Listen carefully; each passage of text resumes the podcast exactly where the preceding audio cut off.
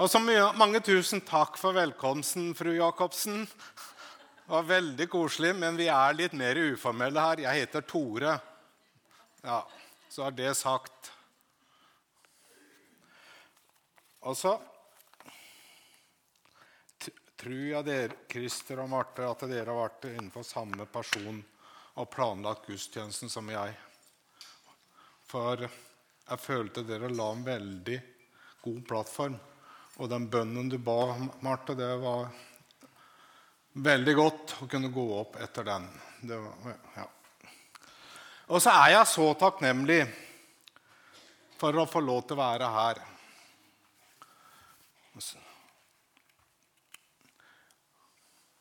Nå er det tolv år siden Annelise og jeg gikk inn i denne menigheten. Og jeg husker vi var veldig godt ønsket velkommen. Og jeg føler at jeg ble tatt imot med tillit og respekt og anerkjennelse og kjærlighet. Og Det er noe av det jeg føler også når jeg kommer opp hit og står her og ser på dere, den flotte forsamlingen. Fullt av søsken, åndelige søsken. Og du føler nærmest denne søskenkjærligheten strømme mot henne og holder henne oppe. Og jeg håper at jeg kan få være med og løfte, i, sende noe tilbake til dere nå. Og til de som eventuelt hører på det på nettet etter hvert, håper jeg også skal oppleve å kjenne litt av den godheten og kjærligheten som er her i denne menigheten. Gud velsigne dere, alle sammen. Ja, først ja, Nå har pastoren vår holdt to taler fra Gamletestamentet om Josef, som uh, var havna i fangehule før han ble reist opp. Og jeg hørte på den talen underveis jeg gikk tur her om dagen. Og tror ikke at det er akkurat det Josef havna i fangehullet, som mista forbindelsen. Og det gikk det lang tid før Josef kom ut derfra igjen. Og Sist søndag så prata om Goliat og David, hvor David var drevet av det som betydde noe det var at han gikk i Guds kraft, ikke i sin egen kraft. Men nå skal jeg komme over på Nytestamentet igjen. Noe med litt kanskje mer kjent tekst for dere. Men først må vi legge et bak, sånn bakteppe for, at ikke alle er med i tankegangen her. Disiplene har gått sammen med Jesus i tolv, tre år. De tolv disiplene har gått der tre år sammen med Jesus. Og kan si han gått der på en måte fra hallelujamøte til hallelujamøte. Det har vært herlig. Det har vært store opplevelser. Han, eh, det har vært noen fantastiske år. Og masse under og mirakler. Det er liksom så han føler Eia var vi der og har fått oppleve det. Han har fått masse spennende og utfordrende undervisning, selv om en del gikk litt høyt oppe for dem. Og det er ikke i tvil. Jesus er Guds sønn og Messias, jødenes konge. Men så er deres Messias-oppfattelse preget av datidens forståelse av Messias. For første kunne ikke han komme eller De forsto ikke at Messias da var noe som gjaldt et evighetsrike. Nei, de var så på det nære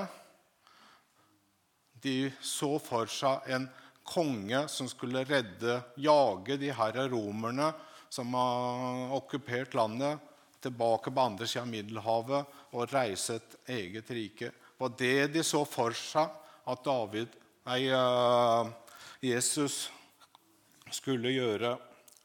Og så opplever de da plutselig at Jesus, som flere ganger har gått igjennom en lunsjmopp, en flokk som ville ta livet av ham uten at noen har klart å ta, ta ham. Eller forsøkt, virkelig forsøkt å ta ham. Så kommer de og henter ham i Getsemane. Og han går helt frivillig uten noe tegn til motstand. Det er jo ingen konge, kongepotensial som godtar det bare blir tatt. Altså Attpåtil så blir han jo korsfesta, dør, blir hivd inn i den grava nær sagt, i siste lita før sabbaten starta. Så vi fikk ikke stelt den heller. Og det er da uh, bakgrunn denne Ja, så er det da kommet det var litt kjapt der. Han kom til første påskedag. Disiplene sitter på øvresalen livredd for at eh, jødene skal komme og ta, ta de, de også, på samme måte som de tok Jesus og drepte Jesus. Og så får de her nyheten, da. De her da, da, damene som er med de, mange av de heter Maria. Da kan si alle Mariaene. Det var overraskende mange som heter Maria, gitt. De hadde da ordna på kvelden før, for sabbaten gikk ut på lørdagskvelden. Da hadde de begynt å ordne med velluktende urter for de skulle salve og tilbe, jobb, uh, stelle med legemet til Jesus. Så de hadde reist tidlig på søndagsmorgen til uh,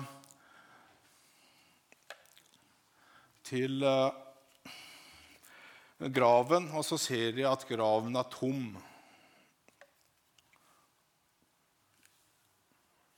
Altså, den her er ikke med, men det, jeg skal ikke skifte den. da. Så. Ja, graven er tom, og de kommer tilbake til å fortelle disiplene på øvresalen at han er ikke der. Og Peter og Johannes stormer til graven, konstaterer han Jesus er ikke der. Bare linklærne ligger igjen. Og så kommer jammen Maria Magdalena også eh, litt seinere på dagen og forteller jeg møtte Jesus der i hagen. Det kan ikke stemme. De forstår ingenting. Helt forvirra sitter de da bak den låste døra med sin tvil, sin redsel, sin frustrasjon, sin usikkerhet. Og hva skjer nå, liksom? Hvorfor lå han, ikke i graven? Og så får de høre at soldatene påstår at det er de som tok Jesus for å simulere en oppstandelse. Så blir de redd for soldatene attpåtil, at de også skal ta hevn fordi de på en måte tok de. Det er bakteppet for den teksten. Klarer du å gi meg den teksten, Ole Henrik?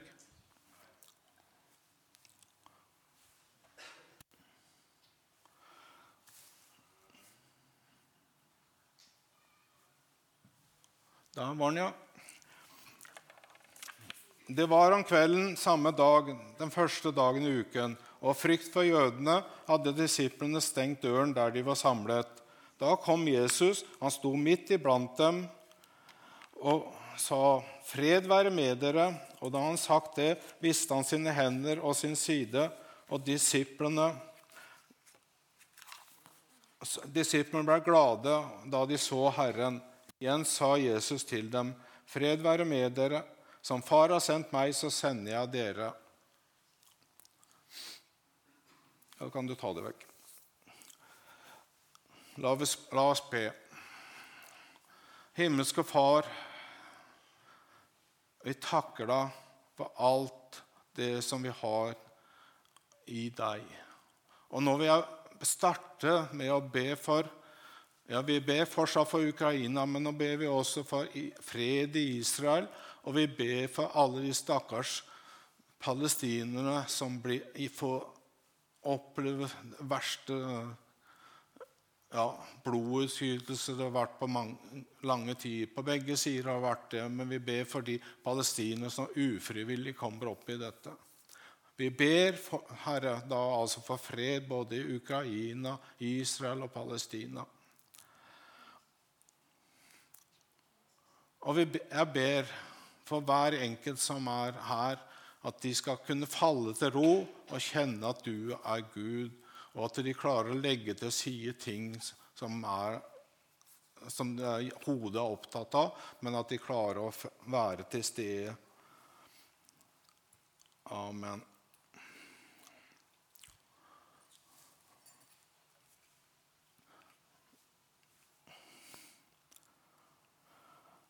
I teksten vi leste, så, det, så vi at Jesus bare dukka opp.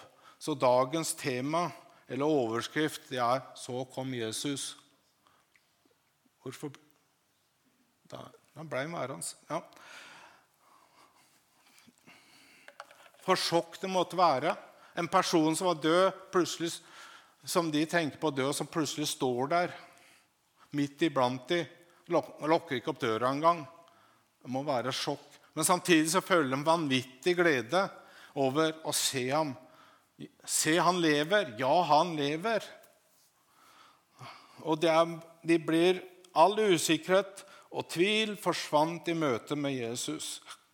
Plutselig en, Hvilken herlig opplevelse de må ha hatt. Plutselig forsvant alle problemer og utfordringer. Ja, De var totalt forandra. Borte vekk var frykt, og så var de fulle av begeistring. På samme måte som de opplevde, kan Jesus komme inn i dine utfordringer. Inn i dine problemer, f.eks. ved skuffelse over brutte løfter, eller du tror ikke vi får svar, misforståelser osv., eller at du er i vanskeligheter. Du kan få se få deg til å føle at alt håp er ute. Mørket som stenger for lyset. Eller det er så mørkt i deg at du ser ikke lyset, du ser ikke enden av tunnelen. Og inne i livet som du av forskjellige grunner har rota til Kanskje du blir lurt inn i noe som du ikke forstår konsekvensen av. Noe som kanskje er i ferd med å ødelegge livet ditt. Du kjenner hvordan kanskje en form for avhengighet er i ferd med å ta tak i deg. Du har kanskje havna i en spesiell sorg og savn. Du, han kan møte deg i sorgen og savnet, han kan møte deg i ensomheten. Han kan hjelpe deg med de økonomiske problemene som du føler tar overhånd fordi du kanskje har en usikker jobb, eller renta, strømmen og alt det her, og prisstigning og alt vi hører så mye om. Plutselig så bare kommer han inn, helt uventa og i den rette tida, selv om du kanskje ikke er helt enig i at det er rette tida. Men han vet når du er mest mottakelig for hans hjelp.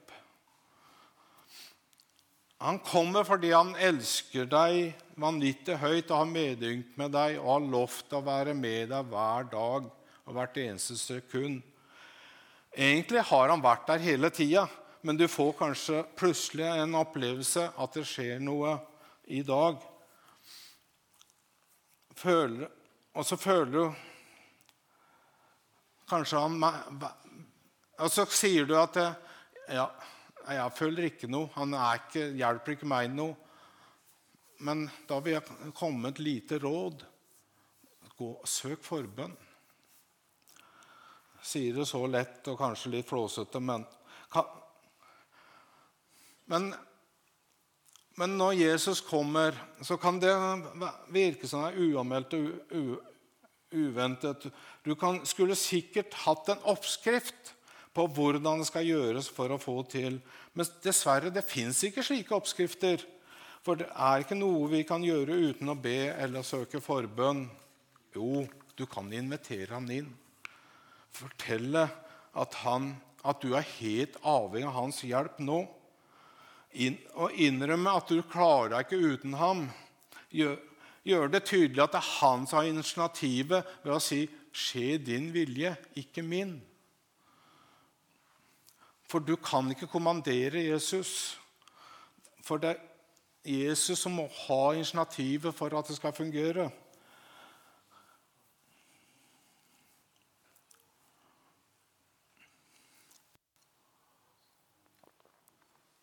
Og så kan vi lene oss trygt i det at Jesus har oversikten over situasjonen mye bedre enn oss. Han ser et større perspektiv.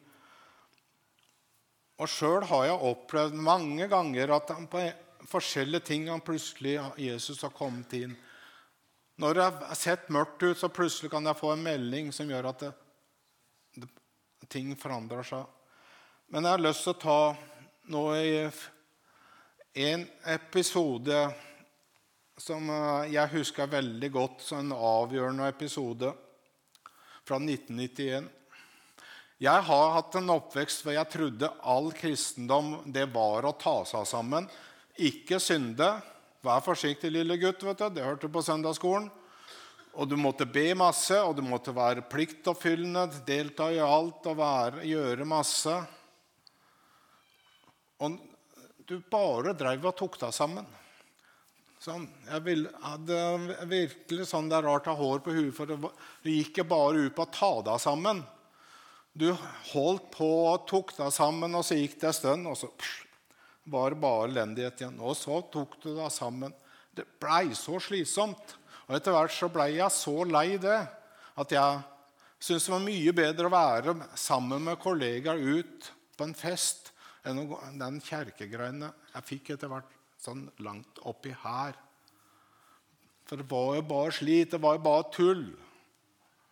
Og så gikk jeg ute på, skogs, på gårds, gårdsveien ut i Bamble, i Bekmørten, og hadde en liten prat med Jesus.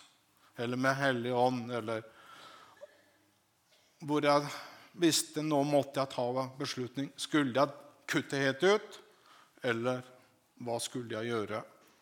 Og så Der og da bestemte jeg meg, forsto jeg at jeg klarte ikke å kutte ut Jesus. Det var ikke mulig. Jeg hadde fått et eller annet gjennom min oppvekst som ikke jeg klarte å kutte ut. Og da sa jeg til Jesus, 'Jeg vil være sammen med deg. Jeg, jeg satsa på deg.'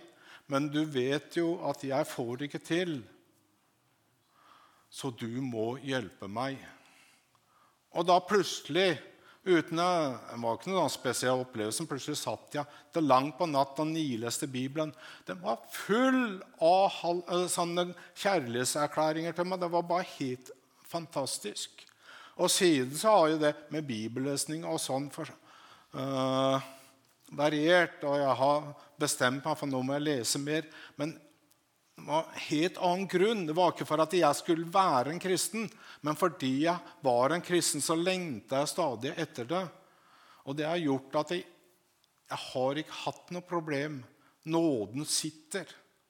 Fordi Jesus svarte på min enkle bønn, for jeg inviterte den inn i livet mitt og sa, 'Må du hjelpe meg?' Da kom han plutselig. Og så sier Jesus videre, 'Fred være med dere'. Er ikke herlige ord? Underforstått fred. Jeg vil gi dere den freden. Og, Han kommer og gir oss sin shalom. Og shalom kan, kan bl.a. oversettes med det jeg har skrevet opp der.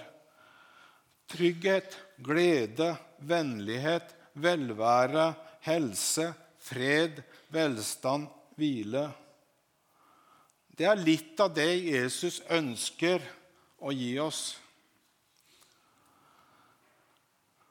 Som han hele tida forsøker å besigne oss med, med trygghet, glede, vennlighet, velvære, helse, fred, velstand og hvile.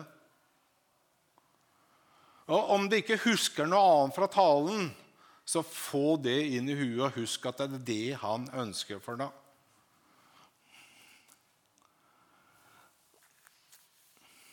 Når, Gud, når Jesus har kommet, starta en prosess i deg slik, som, eh, slik at dere sammen kan komme videre i dine utfordringer. Dette tempoet er en vandring og kan ta lang tid, uavhengig av hva hvor store utfordringene, hva utfordringene er, og hvilket tempo du klarer på en måte være i den prosessen på.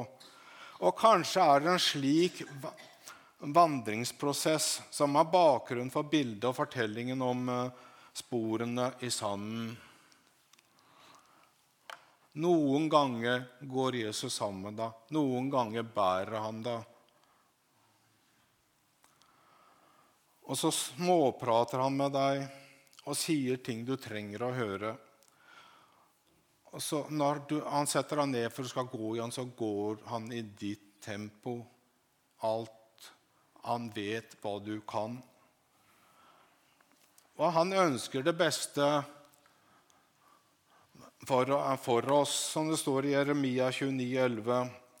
For jeg vet hvilke tanker jeg, jeg har med deg, sier Herren, fredstanker og ikke ulykketanker. Jeg vil gi deg framtid og håp. For jeg vet hvilke tanker jeg har med deg, sier Herren, fredstanker og ikke ulykkestanker. For jeg vil gi deg framtid og håp. Det er bl.a. de tingene han forteller deg. Han trekker og han tenker ikke på dine feiltrinn. Han bryr seg ikke om det som har. Han ser framover. Nå skal vi begynne å gå til landing her. Vi, vi, det er viktig at vi snakker sant om livet. Vi ønsker ikke å forkynne herlighetsteologi med ærlighetsteologi. Så i vår vandring vil det fortsatt være perioder med utfordringer og problemer av forskjellig art. Vi vil hele tiden trenge at Jesus kommer med spesielle grep i våre liv. Det er en konsekvens å leve i denne verden. Men siden vi ikke er av denne verden, så har vi et sterkt framtidshåp. For i enden av stranden det er snakk om på det bildet, er det himmel med all, uh, all dens herligheter i vente. For en himmel uten sorg og smerte og savn og sykdom og det onde. For en dag Så en dag i framtida, når, det vet vi ikke, og det varierer hvor lang tid det er til det for hver enkelt av oss. Men da vil vi få hjemlov og bli forfremmet til herligheten. Så la oss ikke miste dette målet av syne. Med dette synlig ende av stranden vil vandringa bli litt lettere hvis vi løfter blikket og tenker på Der framme så vil det være noe så herlig. Om ikke livet blir helt topp, som vi håper her, så har vi en framtid sammen med Jesus og Gud i himmelen, i den nye jord. Og Da vil jeg bare avslutte med dette ordet, eller tekst, linja. Trøst da hverandre med disse ord. Minn hverandre om at første at Jesus vil komme og gjøre det han hjelper deg. Han kan plutselig komme, men også vi har en himmel i vente. Amen.